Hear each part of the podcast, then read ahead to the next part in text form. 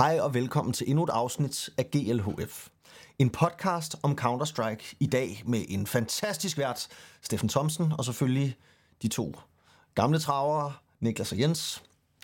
Vi kører.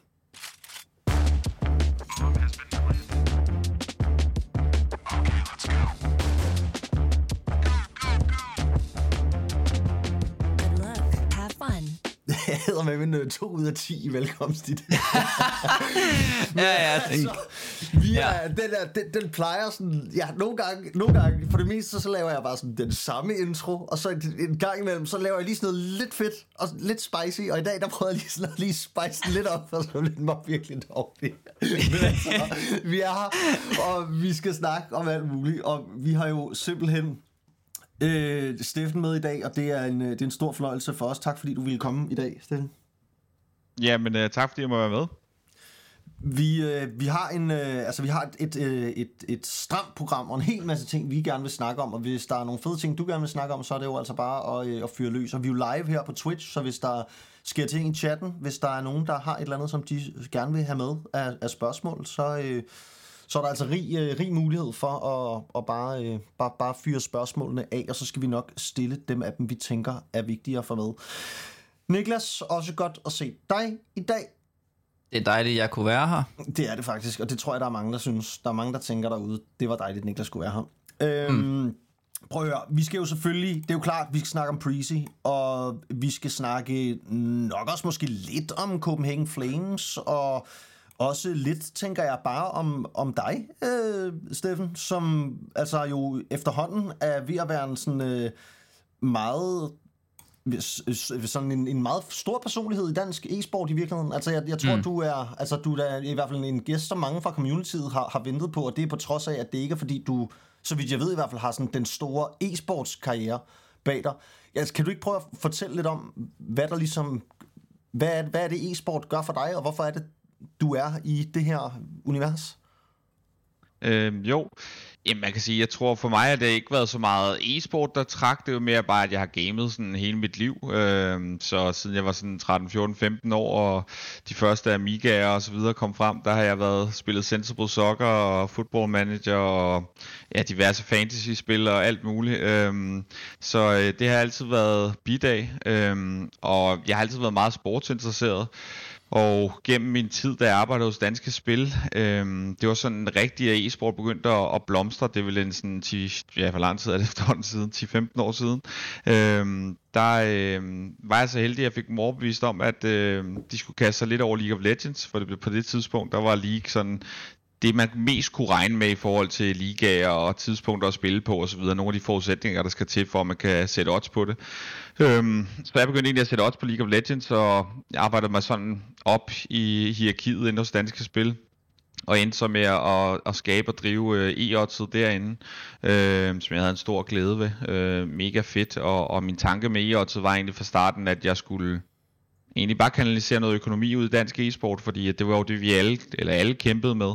Hvor jeg så fik den, øh, den fremragende idé på det tidspunkt at øh, starte øh, Copenhagen Flames. Øh, både fordi jeg var enormt sportsinteresseret, og der er lidt nemmere, og det er lidt nemmere at starte en e-sportklub, end at starte en fodboldklub op, eller i hvert fald at, at spille med, hvor det er rigtig sjovt, og det er jo egentlig også det, der er charmen ved, ved e-sport rigtig langt hen ad vejen. Øh, nu så jeg for eksempel, at XI i går havde et rigtig godt run i, i den åbne qualifier, det, og det er noget af det, som altid har været sjovt for mig, det er, at man kan, man kan kæmpe med med de store, med mindre midler, og måske også udfordre dem lidt, hvilket jeg også synes, vi gjorde i, i Flames. Øh, og så er det jo klart, så er jeg jo bare blevet mere og mere e-sport interesseret med tiden, og, og ser altså klart mest mest Counter-Strike, når, når det gælder e-sport, men, men følger også med i, i både Dota og League of Legends blandt andet.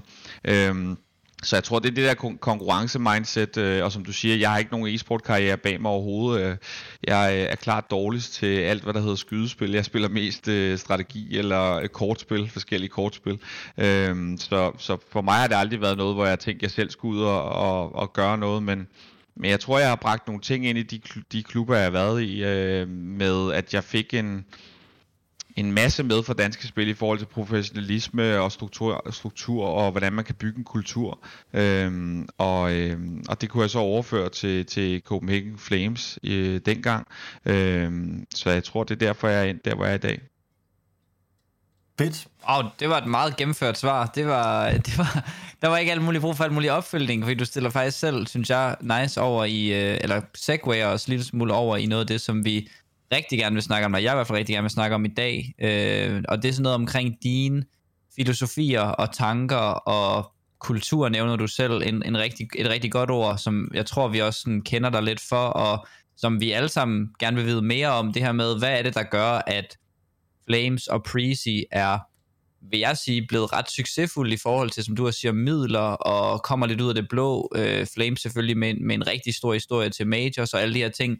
Altså, vi gider jo godt at høre lidt om, hvordan er det, du bygger et hold og en organisation, fordi nu, nu grundlægger du Flames, men jeg har været inde øh, på, på Flames-kontoret på et tidspunkt, hvor der sidder en 10-15-20 medarbejdere eller et eller andet, og alle sammen taler meget højt om, at du sidder bare lige over i hjørnet ved din, øh, ved din PC og arbejder ved siden af dem, og der er lidt nogle ting omkring dig og den måde, du kører det på, som jo tydeligvis giver pote nu for anden omgang i, i Prezi. Hvad er det, der, der ligger bag din måde at bygge hold og organisation øh, på?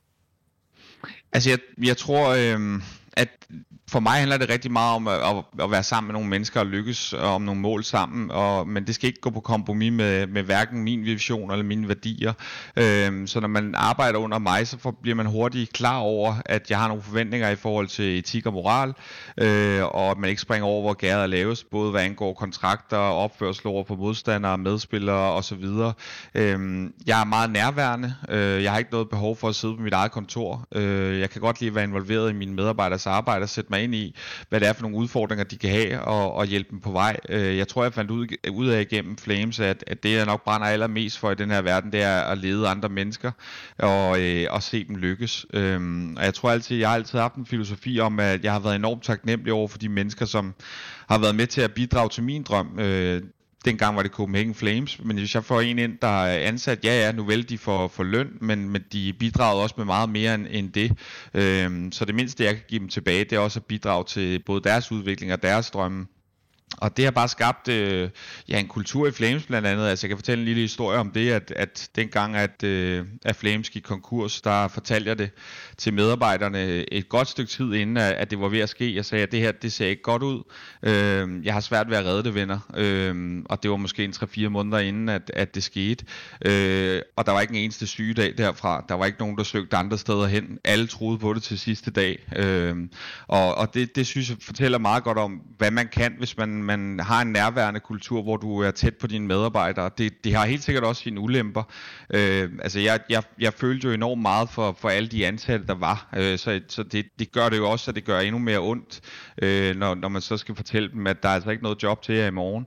Øh, men på den anden side, så kan man også løfte nogle ting, som, som jeg ikke troede muligt. Altså jeg selvfølgelig, da jeg startede Flame, så havde jeg en, en tanke om, at øh, vi skal vi skal nå majors, og vi skal vinde det hele og alle de her ting, men når man så faktisk når majors, og man når top 8, øh, så, er det jo, så er det jo vildt at tænke på, at vi havde øh, budgetter, der jo var, du ved, 5-10 gange mindre end dem, vi kæmpede med, ikke? Øh, jeg kan jo godt sige det nu, at mange af de spillere, vi havde der, de tjente jo mellem 25 og 35.000 om måneden, og de mødte spillere, der tjente 250.000 kroner. Øh, Øhm, så det, det sagde jo også meget om spillerne, altså at, at, at de, øh, de kunne levere på den måde, øh, og det er jo noget, man går ind til, fordi at spillerne får jo også at vide, prøv at høre, vi, vi vil gerne skabe en forretning, der er rentabel, vi vil gerne øh, få det til at løbe rundt, så vi kan, ikke, vi kan ikke duellere med dem der, vi har ikke nogen investor, der lukker sorte huller hver gang, altså det, det er sådan, det er at spille i Flames, men til gengæld, så mener vi også, at vi kan give jer enormt meget tilbage, øh, i forhold til både den familiefølelse, der er, som jeg, jeg ved, at flere spillere også har talt om, men, men også, at man måske kan opnå nogle ting, man ikke kan gøre øh, i andre klubber. Så, så jeg tror sådan, nu bliver det et meget langt svar, øh, det må jeg undskylde. Nej, nej, men, det er, Nej, nej, det, det er det, det, klasse. er præcis det her, vi gerne vil have i stedet.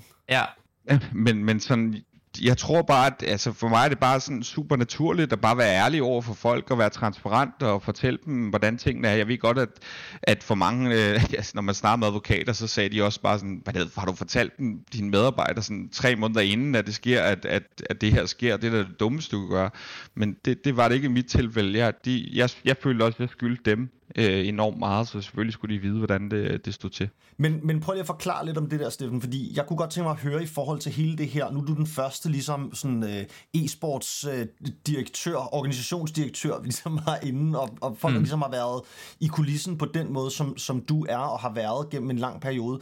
Det her med at bygge en rentabel forretning i e-sport, det er noget af det, og det kan godt være, at nu bliver det måske lidt, lidt langhåret, lidt tørt for nogle af dem, der bare gerne vil høre om, øh, om Counter-Strike og Majors og sådan noget, men, men hvordan, hvordan ser du ligesom det, og også sådan på både den korte og lange bane i e-sport, fordi for mig at se, så er det jo et af, en af de store udfordringer, der er i e-sport lige nu, at det, vi har lidt en kultur og en sport, som har total vokseværk, og det betyder, at spillers lønninger og forventninger og alt sådan noget, det eksploderer, og derfor ser vi også rigtig mange, både store og små organisationer må dreje nøglen om, fordi at det ikke er rentabelt at bygge sådan et hold her, med mindre at man pludselig finder nogle penge fra Saudi, eller fra Rusland, eller fra skins eller krypto, eller hvad fanden ved jeg ikke, hvor, hvor den slags penge kommer fra. Så altså, er det her, tror du det her, det er sådan lidt en lille har, har du lidt en lille guldalder lige nu, hvor det kan lade sig gøre at, at bygge den her slags forretning? Eller, eller tror du også, at det er muligt om 10 år? Eller tror du, at vi vil se e-sporten mere og mere flytte sig i retning af det, vi også har set det fodbold og nogle af de andre større sportsgrene gøre gennem de sidste 20-30 år? Jeg synes, det er svært at sige. Øh, hvis jeg skal sådan til sige det sådan meget romantisk, så vil jeg håbe, at man kunne sætte sig sammen med alle spillerne eller nogle repræsentanter der fra alle klubberne og fandt ud af en løsning. Fordi jeg, jeg føler ikke, at uanset øh, hvad der sker de næste par år, at det, øh, at det er holdbart, at spillerne tjener så, mange i for, så meget i forhold til, hvad, hvad klubberne kan drive af indtægt. Øh, altså, det, man er jo nærmest afhængig af en major-deltagelse, når du spiller uh, tier 1 og tier 2. Altså hvis du ikke gør det, så, så får du røde tal.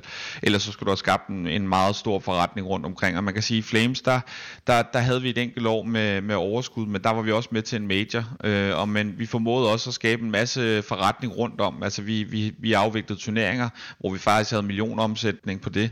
Uh, og vi lavede undervisning og events og uh, solgte bootcamps og havde aftaler med hoteller om det og alt muligt. Uh, øh, og alligevel var det, øh, var det ikke nok, øh, og vi var bestemt ikke lønførende. Øh, så jeg tror, vi bliver nødt til at gøre op med det hele. Jeg tror, der kommer ske, til at ske over det næste stykke tid. Det ser man jo også, at desværre, at flere og flere klubber øh, fyrer mennesker, eller, eller må helt må droppe og, og være en del af, af Counter-Strike blandt andet.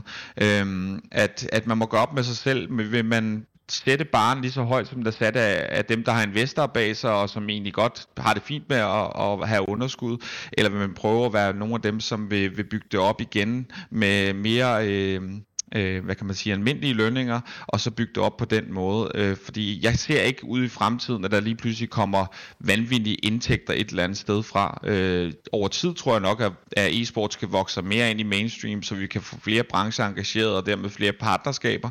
Men jeg er ret bange for, at øh, over de næste stykke tid, der vil e-sport være afhængig af, nu nævnte du det selv, Saudi-penge, eller øh, andre steder fra, hvor at man måske ikke er 100 på, at det er moralsk forsvarligt. Øh, det vil jeg ikke gøre mig klog på nu her, om det er det eller ej, men, men jeg har en fornemmelse af, at det er den der vej, vi skal søge, øh, og det er jo også allerede begyndt at ske, øh, og hvis det så er den vej, det går, så tror jeg ikke, at man begynder at tænke over at lave rentable forretninger. Så tror jeg hellere, man, så tror jeg, at man kigger på, at vi skal finde dem, der kan give os flest penge, så vi kan opnå mest muligt på kortest tid, frem for at, der, at man begynder faktisk at tænke over at bygge nogle forretninger rundt omkring.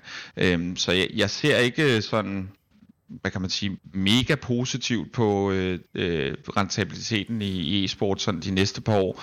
Øh, men jeg kunne godt tænke mig, at man kiggede mere ind i det, eller det, som der, der sker i Prezi, hvor vi egentlig fungerer lidt som et marketingsredskab for, for elselskabet bag, hvor man så laver nogle aftaler, der er bundet op på, at, at man i stedet for at, at lægge en masse økonomi i, i e-sportklubben, jamen så kunne man blandt andet skifte elaftale, øh, så, så man ikke skal gøre det. Det er lidt nemmere for en, en mindre virksomhed at skifte en elaftale, end at lægge 3, 4, 5 200.000 i et partnerskab. Øhm, så man skal tænke anderledes med nogle af de her, de her ting. Øh, blandt andet har jeg, kan man jo også se med Spotify og Barcelona-partnerskabet, øh, som rækker langt længere ud med at, at bruge øh, kunstnere fra Spotify i forbindelse med Barcelona. Så der, der er mange, mange måder at gøre det på, øh, og, og partnerskaber kan også funderes på, at man egentlig kører sig ind i klubben og er en del af det på den måde. Men, men mm, jeg, jeg, jeg er sgu bange for, øh, hvordan tingene vil udvikle sig, hvis ikke man begynder at tænke helt anderledes fra toppen af. Det vil sige, at spillere og organisationer sætter sig sammen og siger, hvordan kan vi løse det her? Ja, og, og i forhold til det, altså også i forhold til det der med økonomien, altså det er ikke fordi, du sådan helt behøver at gå ind i, hvad, hvordan at forretningen i Prezi specifikt øh, foregår, men du har selv snakket om det her med, i forhold til major kval og sådan noget, hvor vigtigt det kan være for de mindre klubber, og selvfølgelig også for de større, i virkeligheden for alle, alle Counter-Strike-klubber at kvalificere sig til de her major, fordi det ligesom låser op for nogle muligheder for at, at, at tjene nogle penge den major, vi står overfor lige nu, altså vi ved jo, der er AMR lige nu, og jeg tænker, der, jeg ved, der er rigtig mange også, der, der følger podcasten her, som følger med i AMR og sådan noget. Altså, det er måske, altså måske det er et, et dumt retorisk spørgsmål, men altså, hvor vigtig er den major for jer? Altså også både rent økonomisk, men også bare sådan rent symbolsk? Altså, den, det er klart, den, den er vigtig i den forstand, at altså, hvis vi ikke når en major, så er det ikke sådan, at så, når, så falder hele projektet fra hinanden. Men det er klart, at det er noget, der giver os noget, noget, noget, et vigtigt indskud af økonomi, som kan sørge for, at vi kan bygge videre på det, vi allerede har skabt nu. Øh, det, det er klart, at vi har nogle spillere inde, som I, I kender jo selv navnene. Øh, det er jo selvfølgelig ikke billigt. Øh, så, så på den måde, så kræver det jo også noget økonomi, og når man er en nyopstartet klub, jamen, så er det jo sværere at, at få partnerskaber ind. Øh, så på den måde, så er det klart, at, at det giver dig bagland, og og, og den investering, der allerede har været, det, det giver dig noget luft, hvis øh, man kvalificerer sig til en major øh, med de tal, der er blevet snakket om fra, fra seneste major, øh, den sidste i CSGO.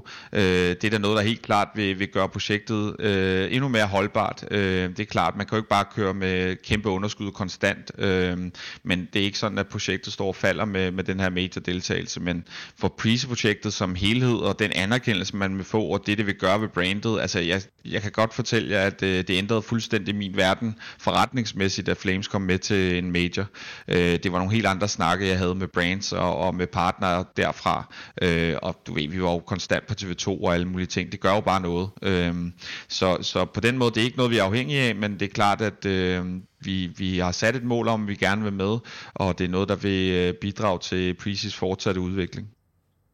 Fedt, mand. Altså, jeg, noget af det, som jeg, øh, jeg i min forberedelse til, til det her interview lige løgn, så, så var jeg inde og høre din, øh, din nytårstale tilbage i Flames i, jeg tror det har været 2021 eller et eller andet, og tænkte, hvad der, hvad, alt vi kan få, det skal vi have med her, ikke? Så, øh, og der snakker du blandt andet om, omkring at e-sport øh, og partnerskaber og det her med sådan at sørge for, at vi gør tingene ordentligt, og at vi går foran, fordi der er en måske en lidt kritisk periode i vores, øh, i vores branche lige nu, hvor at hvis hvis brancherne derude øh, får dårlige oplevelser med e-sport, hvis, hvis folk ikke lever op til deres kontrakter, hvis der er dårlig afrapportering, alle mulige kedelige ting, så får vi, altså så, så opmuntrer vi ikke omverdenen til at investere i vores produkt, og så, så får, får omverdenen ikke øjnene op for, hvor godt et produkt vi egentlig har. Kan du ikke bare lige sætte et par ord på, sådan, hvordan synes du, det er gået siden da? Er det noget, du, jeg går ud fra, at du selv går meget op i det nu? Hvad, hvad er sådan udviklingen inden for det her område af, at e-sport også øh, virksomhedsmæssigt professionaliserer sig, fordi vi hører jo om, at Astralis og bla bla bla, alle orksene er ved at professionalisere sig, men det lød stadigvæk på dig i 2021, som er relativt for nyligt, som om at det stadig var et problem, at det blev lidt sløset. Ja, altså man kan sige, ja, der er helt sikkert sket med en positiv udvikling der. Det er klart, der er også øh, flere og flere organisationer, der henter folk ind fra, øh, fra andre brancher, som, som det kunne være Anders Hørsholdt fra FCK og så videre, der kommer ind i Astralis og så videre. Øh, så det gør helt sikkert en ting. Jeg synes, der har været en tendens til generelt i e-sport, at der er for mange, hvad kan man sige, gamers, influencers, øh, tidligere e-sportspillere, som har sat sig i stolen øh, i spidsen for en klub, uden rigtig at have nogen idé om, hvordan man, man driver en virksomhed. Øh, og det har, det har gjort ondt på, på branchen, fordi der er for mange af de her, der bare popper op og så går døde igen. Men sådan helt generelt er mit indtryk af, at, at der, er blevet, der er mere professionalisme rundt omkring, og at øh, partnerskaber, dem får partnerne også mere ud af. Men, men, men det kom så også af, at da jeg sad i e det er jo, det er jo efterhånden en, en del år siden, der sad jeg jo på den anden side af forhandlingsbordet, og jeg oplevede bare enormt mange klubber, eller øh, det kan være events, eller hvad jeg nu talte med, øh, hvor at lige så snart at man havde afleveret pengene, jamen så fik du ikke noget tilbage, så de skulle nok lige udføre præcis den opgave, de havde beskrevet, men der var ikke nogen rapportering og så videre, eller øh, en opfølgning, eller du skulle ligesom selv holde det i, i, i gang. Øhm, det synes jeg helt klart er blevet bedre, men, men gennem min tid som partneransvarlig, hvilket jeg både har været i Flames og også nu i, i Prezi, øh, der har det handlet om at skabe nogle, nogle, nogle bånd og noget loyalitet over for partnerne og bevise over tid. Øh, vi, vi startede jo med Elgiganten i, i Flames-tiden tilbage i 2016. Det var fu- fuldstændig sindssygt, at jeg, jeg tre måneder efter vi havde startet Flames, der sidder jeg til et møde derinde og får overbevist mig om, at øh, jeg håber godt, jeg må sige det her, men nu er det så lang tid siden. men for overbevist om, at de skal give os 50.000 kroner, og dengang var det bare, jeg tror jeg startede med 60.000 kroner dengang, så det var jo meget for mig at få det ind, og det, det voksede altså til en kæmpe aftale over, over nogle år, så det her med at, at tage noget ind og bygge det op og gøre sig opmærksom og, og gøre sig værdifuld for partneren, det, det tror jeg jo godt mange kunne lære mere af, at sige, okay, men lige nu er vi det her sted, måske kan vi bygge op noget, noget op sammen med, med den her partner, så kan det blive produkter til at starte med at kunne udvikle sig til at blive økonomi over tid. Øhm, og så gør der nogle tanker om, hvordan øh, du egentlig bliver noget, som de ikke kan undvære. Øh, det har altid været mit fokus. Hvordan kan vi skabe øh, både noget brandmæssigt eller kampagneværk, som gør, at vi er u- uundværlige eller, øh, for, øh, for partneren. Øh, men generelt, som du spurgte om, så føler jeg, at der er kommet langt mere professionalisme, men det tror jeg kommer mere af, at der kommer flere mennesker ind fra andre steder i, i reklamebranche eller andre øh, forskellige ting derfra. Steffen, det lyder som om, at du har sådan en nogle, nogle filosofier, som du ligesom har haft med dig hele vejen i den her måde, ligesom at gå til partner og gå til en organisationsopbygning og sådan noget på. Jeg tænker, der må også være nogle ting, som du har lært af Flames, altså fordi jeg ved det selv, altså nu er jeg selv sådan øh, glad for at lave alle mulige underlige projekter, som jeg bygger op, og når man starter på noget, så tænker man, åh, oh, det her det bliver mega fedt, og så når man er færdig, så tænker man, okay, det der skulle jeg måske have gjort sådan der i stedet for, og hvis jeg nu havde gjort sådan der, så kunne det være, at det der var sket i stedet for det der, og sådan, og jeg tænker, du må have mange, du må have mange ting med dig også fra Flames, som jo på mange punkter gik super godt, men også endte med, at I var nødt til at lukke, som du har lært, og som du nu gør anderledes i Prezi. Er, er der ikke, kan du ikke fortælle lidt om det? Jo, altså jeg tror, det jeg har haft meget fokus på også at fortælle ledelsen her i, i Prezi, det er i hvert fald over tid, at, øh, at vi skal have flere øh, salgskanaler eller flere salgs... Øh, salgsmedarbejdere, fordi at i Flames var jeg egentlig den primære salgsperson, og det galt alt, om det var turneringer, events, eller det var partnerskaber. Og udover det, så drev jeg jo også en virksomhed, som havde 50 ansatte, øhm, så, så det er svært at nå rundt om det hele, og det er svært at være en nærværende partner for de partnere, når man øh, når derhen. Øhm, så det her med, at man kan fortælle folk, hvad der er på hylderne i større grad, jeg tror, at det er noget, som man overser øh, i mange virksomheder, men, men, men, men den her ting med, at det koster selvfølgelig nogle penge at ansætte nogle sælgere, men hvis du har nogen, der kan sidde og fokusere på det øh, dagen lang, så bliver de både klogere på, hvad, hvor de kan sælge, hvilke brancher de kan sælge det til, og hvad prisen skal være. Øh, og i mit tilfælde, det var det jo sådan, at jeg, du ved, så satte jeg en dag af, nu skal jeg bare kun skrive ud på LinkedIn til de her første 30 mennesker, jeg tænker i de her forskellige brancher, jeg har researchet.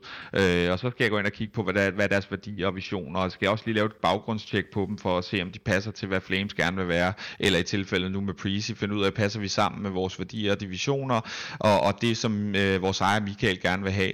Øh, så jo mere man kan ansætte, der kan fortælle, hvad der er på hylderne. For eksempel i Prezi nu, der sælger vi jo også bootcamps, og vi har jo selvfølgelig vores almindelige partnerskaber, øh, og vil også gerne drive turneringer øh, over tid. Jamen, hvis det er mig, der skal drive alle de salg, hvordan kan jeg så være direktør samtidig? Så jeg tror, at det er en af mine, mine største erfaringer, og det jeg har taget mig ved videre, det er, at jo før jo bedre man kan sætte folk til at fortælle historien om ens virksomhed, men også at, at sælge produkterne på hylderne, jo bedre.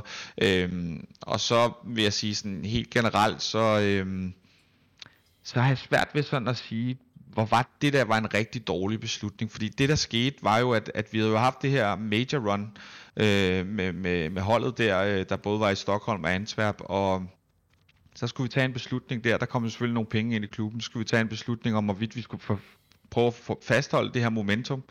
Og vi havde rigtig meget momentum, altså vi var jo sådan, at du ved, danskernes kæledække, og øh, folk kunne bedre lide os end Astralis, og du ved, det var, det var sådan, der begyndte virkelig at ske noget, og jeg har jo altid haft en drøm om at udfordre Astralis og slå dem, øhm, så, så vi var sådan et sted, hvad gør vi, fastholde momentum, det kan tiltrække større partnere, men det bliver også dyrere at fastholde momentum, fordi vi skal nok ud og hente nogle spillere, som er nykket bedre, end de var sidst, og øhm, hvordan får vi det til at hænge sammen, øhm, så, så det er jo også noget med at tage, at der er nogle kalkulerede risici, man er nødt til at tage, og, og det der skete for os var simpelthen bare, at vi, vi lavede de her investeringer, og så døde markedet fuldstændig, på både på baggrund af krigen og øh, mange andre ting, som gjorde, at yeah. ja, vi, gik jo, vi gik jo fra at forhandle øh, partnerskaber til millioner, til at de kom tilbage og sagde, at vi har kun 100.000, og det dækkede måske en, en syvende del af, hvad vi havde burn rate om måneden. Ja. ja, og jeg tænker i virkeligheden, så har I, kigget, har I også bare kigget ind i noget, som stort set alle brancher har kigget ind i. Ikke? Altså det, det, sådan, det, det tror jeg næsten, uanset hvilken branche man havde været i på det tidspunkt, og tænkt, nu ekspanderer vi lige... Øh, vi ganger lige alt med fem, og så mm. står man i en situation, hvor at det pludselig, altså, så, så det, det har måske heller ikke nødvendigvis noget bare med e-sportsverdenen at gøre, men mere bare, hvordan verden så ud på det tidspunkt. Ikke? Øhm, Ja. hvad, er, hvad er sådan, altså fordi nu tænker jeg, nu er vi lige så stille i gang med at snakke lidt om Prezi her. Kan du ikke, kan du ikke lige fortælle lidt om visionerne med Prezi? At, er, er visionen, at I skal være det bedste hold i Danmark, eller er visionen, at i skal lave øh, det bedste talentudvikling, der er i Danmark, og så ligesom fortsætte med at holde et budget nogenlunde, som I har det nu? Eller hvordan, hvordan, hvordan ser du ligesom sådan en, en, en, treårs, en treårsplan? Jamen, ambitionen er helt sikkert, at vi skal, vi skal udfordre Astralis herhjemme og være blandt verdenseliten. Øh, det er også planen, at det, det er sådan, vi skal udvikle det over tid økonomisk, og vi vil rigtig gerne være en, en forretning, der er rentabel og en, der kan løbe rundt, og øh, det håber vi også på med den her måde, vi gør det på, med, med at man kan lave aftaler på andre måder, og det kan blive sådan. Men ambitionen er helt sikkert at være med til alle majors over tid, og være med til alle de store turneringer, og, og være det bedste hold i Danmark. Øh, det, det er helt sikkert. Wow. Og, og for os, der, altså, når jeg ser på det, hvad vi skabte, og jeg også over i en længere periode var bedre end Astralis på resultater, øhm, så kan jeg ikke se, hvorfor det ikke til skulle kunne lykkes med det. Med, 20-del eller sådan noget. ja, altså jeg, nu kender jeg jo også Vorborg rigtig godt, øh, og jeg synes, han er kriminelt undervurderet øh, i forhold til, hvor dygtig en træner han er. Øh, også sådan i forhold til set den globale elite. Øh, så, så jeg tror, med det vi har skabt, og de, de rammer vi har fået i Prezi nu, der, øh, der tror jeg bestemt godt, vi kan udfordre hold, der har større budgetter, end vi har. Øh, men det er klart, det er, der er jo, det er jo noget af en, en hurdle. Det er også et godt hold, de har fået stablet sammen i Astralis, øh, og øh, der kommer også hele tiden nye til. Ikke? Nu har vi også et, et Falcons-hold, som nok over tid bliver endnu bedre, ved at tro. Måske får nogle flere navne ind. Øh, så når vi snakker verdenseliten, så, så er der jo stadig et stykke vej op til de budgetter. Mm. Der, der er vi jo slet ikke. Men, men det er ambitionen, at Prezi skal være et hold, som, øh, som altid er med til de største turneringer, og også øh, duellerer øh, med Astralis som førstepladsen herhjemme. Nu, øh, nu nævner du selv Vorborg, øh, og han har jo været en ret essentiel del af det, du opnåede i Flames, eller det, I opnåede i Flames, og han var også, virkede det ret sådan, til nærmest en pakkeløsning, når det kom til at skulle, øh, skulle lave virksomhed med dig, øh, da det startede. Kan du ikke lige fortælle lidt om ham, fordi han havde jo en mildstalt forfærdelig øh, tid i EG, hvor at der ikke gik noget rigtigt, og vi alle sammen sad og tænkte, hvad, var det bare et hurtigt money grab. Hvad kan ham her egentlig, når det kommer til, til, til Counter-Strike? Er han, altså, er han mere en deltids-CEO, der var, der var Counter-Strike coach lige kort, eller, eller er han en god coach? Han siger jo selv, at han har fået noget strategisk viden igennem tiden og er blevet bedre på de punkter. Hvad, hvorfor skulle han bare være med? Hvad er det, han kan? Øh, jamen for det første, så ja, som du siger, så var han jo partner i Flames med, med mig og, og, øh, og Miha og også The Polish Dane, hvis nogen kender ham, øh, hvor vi jo selvfølgelig arbejdede tæt sammen hele vejen igennem, og, og jeg tror mig og Daniel deler mange af de samme værdier i forhold til transparens og ærlighed over for alle ansatte og, og spillere også, øh, og derudover så er han så enormt dygtig analytisk og øh, performancemæssigt, der har jeg aldrig oplevet nogen være så god til at sætte en enhed sammen og få dem til at præstere, og nu kan, han jo, øh, nu kan jeg jo ikke tale for ham, men, men jeg ved i hvert fald, at hans oplevelse i EG var ikke det, han havde blevet lovet. Øhm, så det blev noget helt andet end det projekt, han var blevet lovet, og han er heller ikke typen, som overhovedet vil tage det over bare for, for pengene. Ja, Det er klart, det er, det er jo også en bonus, øh, men, men, men det kan man jo også sige, Daniel havde jo også nogle andre muligheder, da han øh, joinede øh, Prezi, øh, så på den måde, så, så ved jeg også, at han kigger lige så meget på udfordringen, og hvad han kan opnå med, med de rammer, der er, og hans ambition er 100% at, at spille tier 1 og være deroppe hele tiden, og han har bygget enormt meget på øh, i forhold til det strategiske. Jeg tror, at øh, den historie, der er blevet lidt fortalt, øh, og måske har fortsat lidt for længe, det er, at han, han jo kommer over for LoL-verdenen, og så i starten var han jo nok mere en, en performance coach, mm. end han var en, en, en CS coach, men når jeg sidder og hører, nu har vi lige haft drengene inde på bootcamp, når jeg sidder og hører dem snakke, så, det, så kommer Daniel med, med mindst lige så meget øh, taktisk input, øh, som, som resten af holdet gør. Øh, så på den måde, der er han en mere helstøbt træner, der, der er kommet tilbage nu. Og, og for mig var det bare, altså som jeg, jeg tror også, han udtalte, der stod, at det var sådan mere respekt, da han, han tog snakken med mig. Og for mig var det bare sådan, okay, hvis jeg kan få, hvor, hvor jeg er ligeglad, hvem der så er ledet, om det er Sonic eller hvem det end er. Bare fordi, at jeg, jeg har set det ske med nogle hold, som jo, altså, det burde jo overhovedet ikke være muligt for øh, de der Flames hold at gå videre og gøre de ting, de gjorde. Øhm, og så er han bare nem at arbejde sammen med, har også en forstand på øh, forretningsdelen, øhm, så på den måde er han nemmere at snakke med om nogle af de beslutninger, der skal tages omkring holdene eller i, i organisationen. Øhm, så ja, øh, klassetræner hele vejen igennem. Ja. Og er han, altså sidder han med topstyring, når det kommer til holdet? Altså det er ham, der hiver spillere ind, ham, der bestemmer op og ned. Altså sådan, har han fuld magt til at hive Roy og Dupree ind? Når, er, det han, er det ham, der ser de løsninger og vælger dem? Hvor meget, øh, hvor meget har han at skulle have sagt på, den, på, på det punkt? Altså, han har, hvad kan man sige, 100% det sportslige ansvar, men det er klart, der er nogle, der er nogle øh, økonomiske rammer, som, som han er nødt til at arbejde under. Øh, men hvis han peger på nogle spillere, så ser vi, om vi kan lade det, få det til at lade sig gøre. Vi, vi stiller ikke så mange spørgsmål, eller det, nærmest ikke til, om hvorfor vi ikke tager den i stedet for en anden. Øh, dertil har vi ikke den indsigt overhovedet, men jeg stoler også bare 100% på Daniel og de beslutninger, der bliver taget. Man kan sige, at han, han ændrer røg ind, og hvad går der syv dage, så vinder vi 100.000 dollars turnering. Øh, og ja, nu har vi så på magisk vis fået, fået Dupree ind. Vi kan Ja, ja, fordi det, skal, det er vi også nødt til at snakke lidt om. Altså, vi er nødt til at snakke lidt om det der, fordi vi sad jo, vi havde Frederik, vi havde Røg inden, og havde en total god snak med ham, hvor vi sad og snakkede om det her med, okay, og nu der var momentum, og event turneringer, og I spillede rigtig meget, I pra- der blev pragget rigtig meget, og spillede rigtig mange officials, alt sådan noget. Vi snakker bare om alt det der kørt, så går der hvad? Fem dage, og så pludselig så mister I en mand. og vi tænker, hvad sker ja. der? Og nu er I færdige ja. og sådan noget. Altså, kan du ikke lige sådan fortæl lidt om den tid, og altså, hvor turbulent det må have været, op til at der pludselig falder sådan et guldæg ned i hatten med, med Peter, der pludselig står klar og, og kan komme ind og, og, og være, være en del af holdet. Altså, kan du, kan du ikke lige prøve at fortælle lidt om, om de sidste par måneder, og hvordan det har været?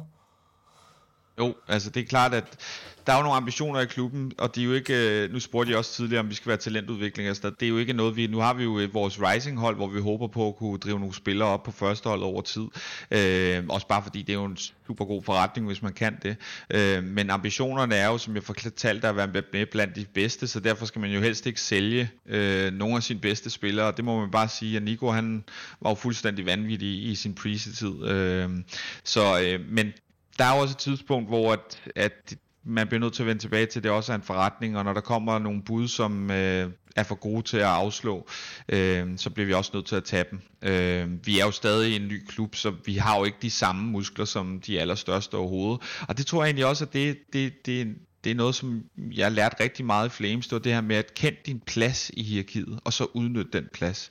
Vi fandt ud af, at vi skulle være talentudviklerne, øh, vi fik hurtigt skabt et omdømme om, at vi lavede gode spillere, øh, så var det også meget nemmere at sælge dem til større penge. Og i det her tilfælde, vi bliver nødt til at kende vores plads. Når der kommer nogen og tilbyder os så mange penge, som, som de gjorde for Nico, jamen så, så siger vi ja og bygger langsigtet på videre med de midler, vi får ind. Og at vi så, øh, ja, altså for mig er det også bare crazy. Altså, Dupree er jo, er jo en fucking legende, altså. Og, og jeg kan bare, altså, jeg kan bare, jeg kan bare fortælle, altså, at det er jo det er jo, det er jo Ja. altså, manden er jo bare, altså, totalt nede på jorden. Det er jo fuldstændig vildt at, at, altså, at snakke med ham. Eller, altså den allerførste besked, der han sender til mig, det handler om, sådan, hvad han synes, jeg har gjort for dansk e-sport. Altså hvad? altså, hvem, altså hvorfor tænker du overhovedet på det? Burde man, burde man tænke, ikke? Øhm, så, han, så han er bare klasse, og jeg vil sige, jeg tror det er første gang nogle gange nogensinde i min karriere, det er første gang i min karriere, jeg har underskrevet en kontrakt juleaften. Øhm, så, øh, Wow. så, så, så har jeg også prøvet det. Øh, så hvad hedder det? Ja, det var super fedt, og øh, Øhm, helt vildt at få ham ind, og man kan bare sige, at der er en god grund til, at manden har vundet fem majors, fordi at øh, det han har bragt på holdet, og det humør, og den professionalisme, og hvor nede på jorden han er, altså han har jo allerede nu nærmest skrevet mere på vores Discord, end resten af holdet har, så altså han, han er, ja, han er bare konge. Hold kæft, hvor det godt at høre.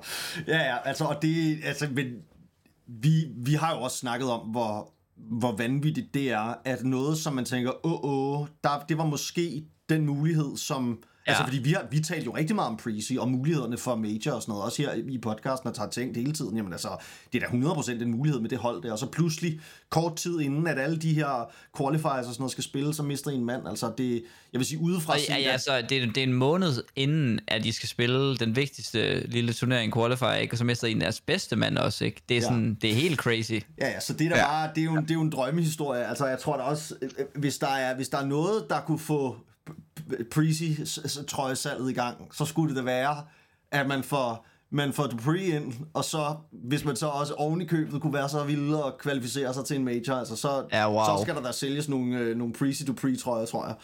Men Jens, at høre, vi, vi var jo også begge to sådan en lille smule nervøse for Dupree og hans karriere, fordi vi tænkte jo også, at den her legacy, han har, den skal, den skal virkelig ikke stoppe lige inden der er en major i Danmark. Altså det vil være den værste måde, at det kunne slutte for ham på. Og vi sad og tænkte, hvor skal han hen?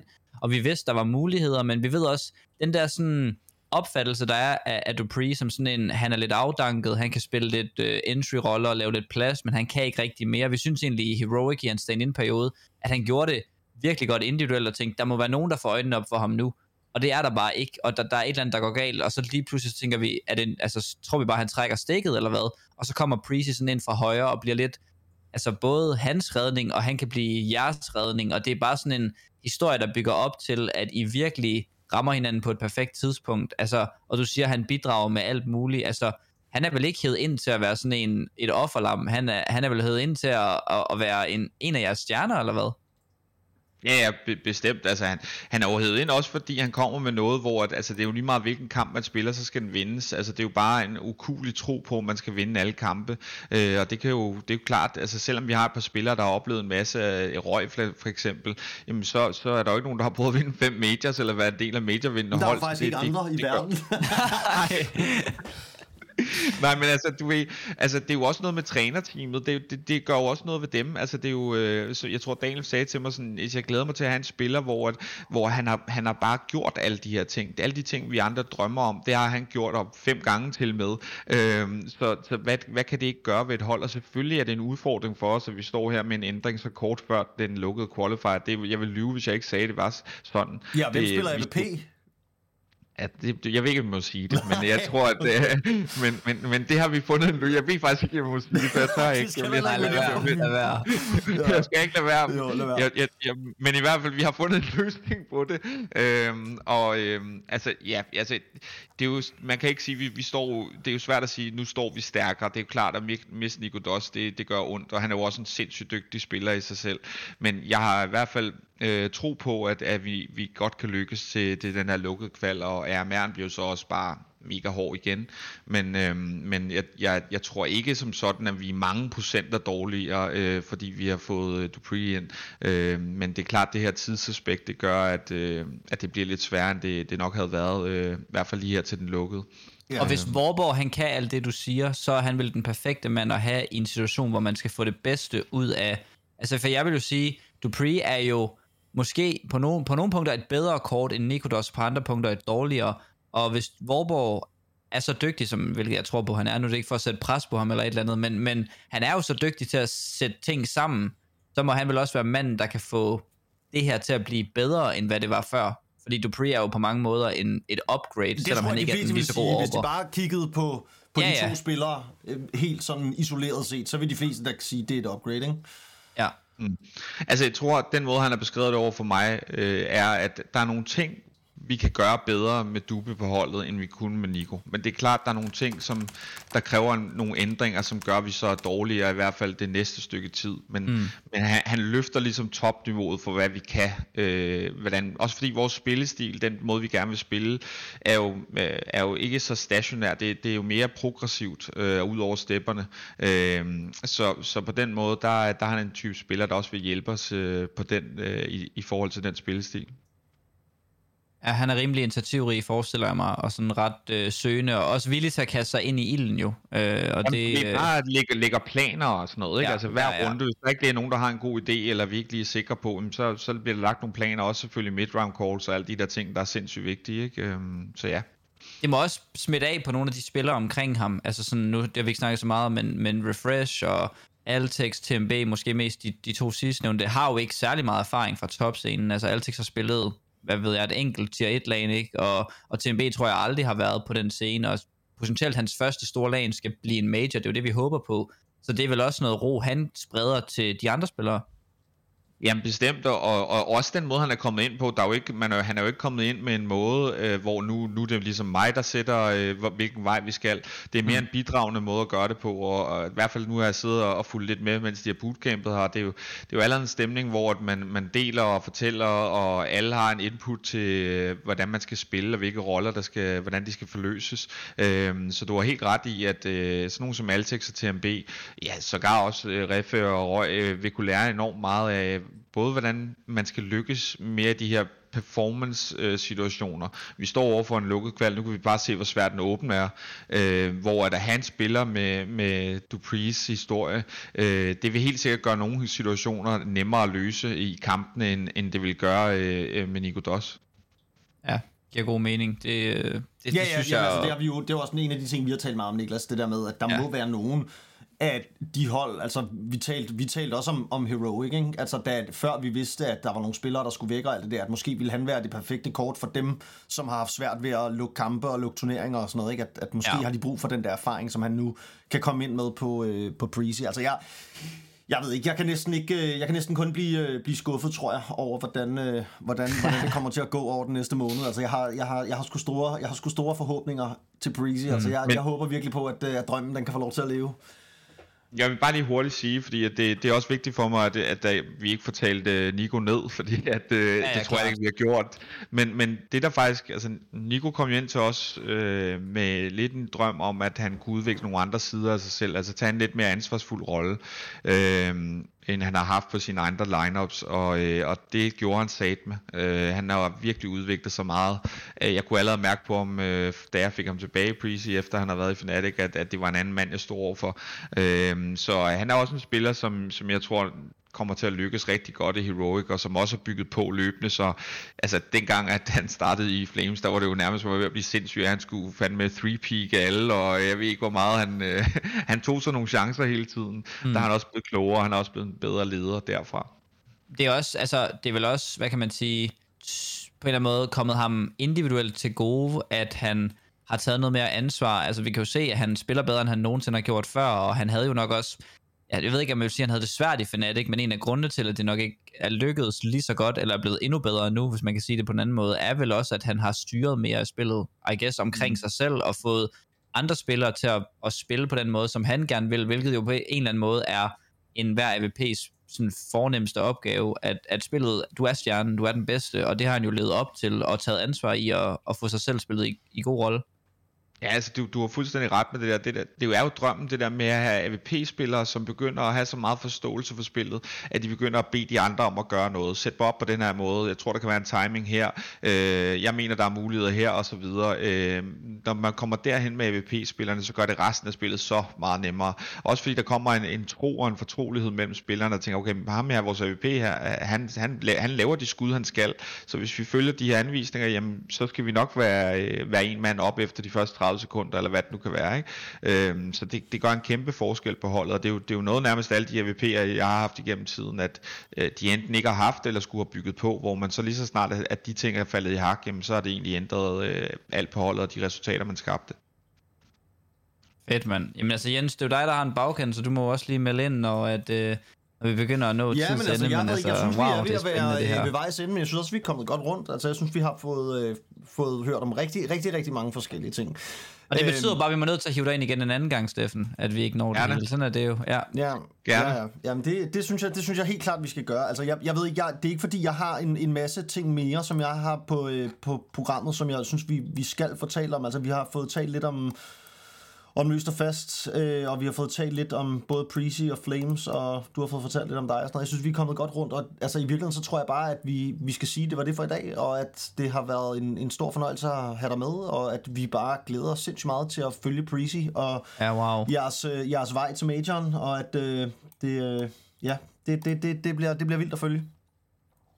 Jamen, øh, tak fordi jeg måtte være med. Det, det, det er en stor fornøjelse. Altså, jeg, jeg kan jo altid snakke en hel masse om, om de her ting, for jeg synes, det er super spændende, og jeg, jeg har jo altid sådan haft lidt en, en drøm om, at, øh, at e-sport og måden, man snakker om det på, kunne udvikle sig sådan lidt i fodboldmæssig forstand, hvor vi måske berører nogle emner, der ikke er sådan, øh, hvem skifter til hvem, eller øh, nu Mm. var de også gode i sidste uge, men at vi sådan kommer ind lidt mere i, i, i- i grunden til, i fundamentet på klubberne, sådan, hvordan arbejder de, hvordan arbejder man med udvikling af spillere, eller økonomi, eller hvad det nu kan være, øh, fordi der er mange spændende emner der, og det er noget, øh, vi er nødt til at få snakket om og blive klogere på, hvis e-sport skal udvikle sig.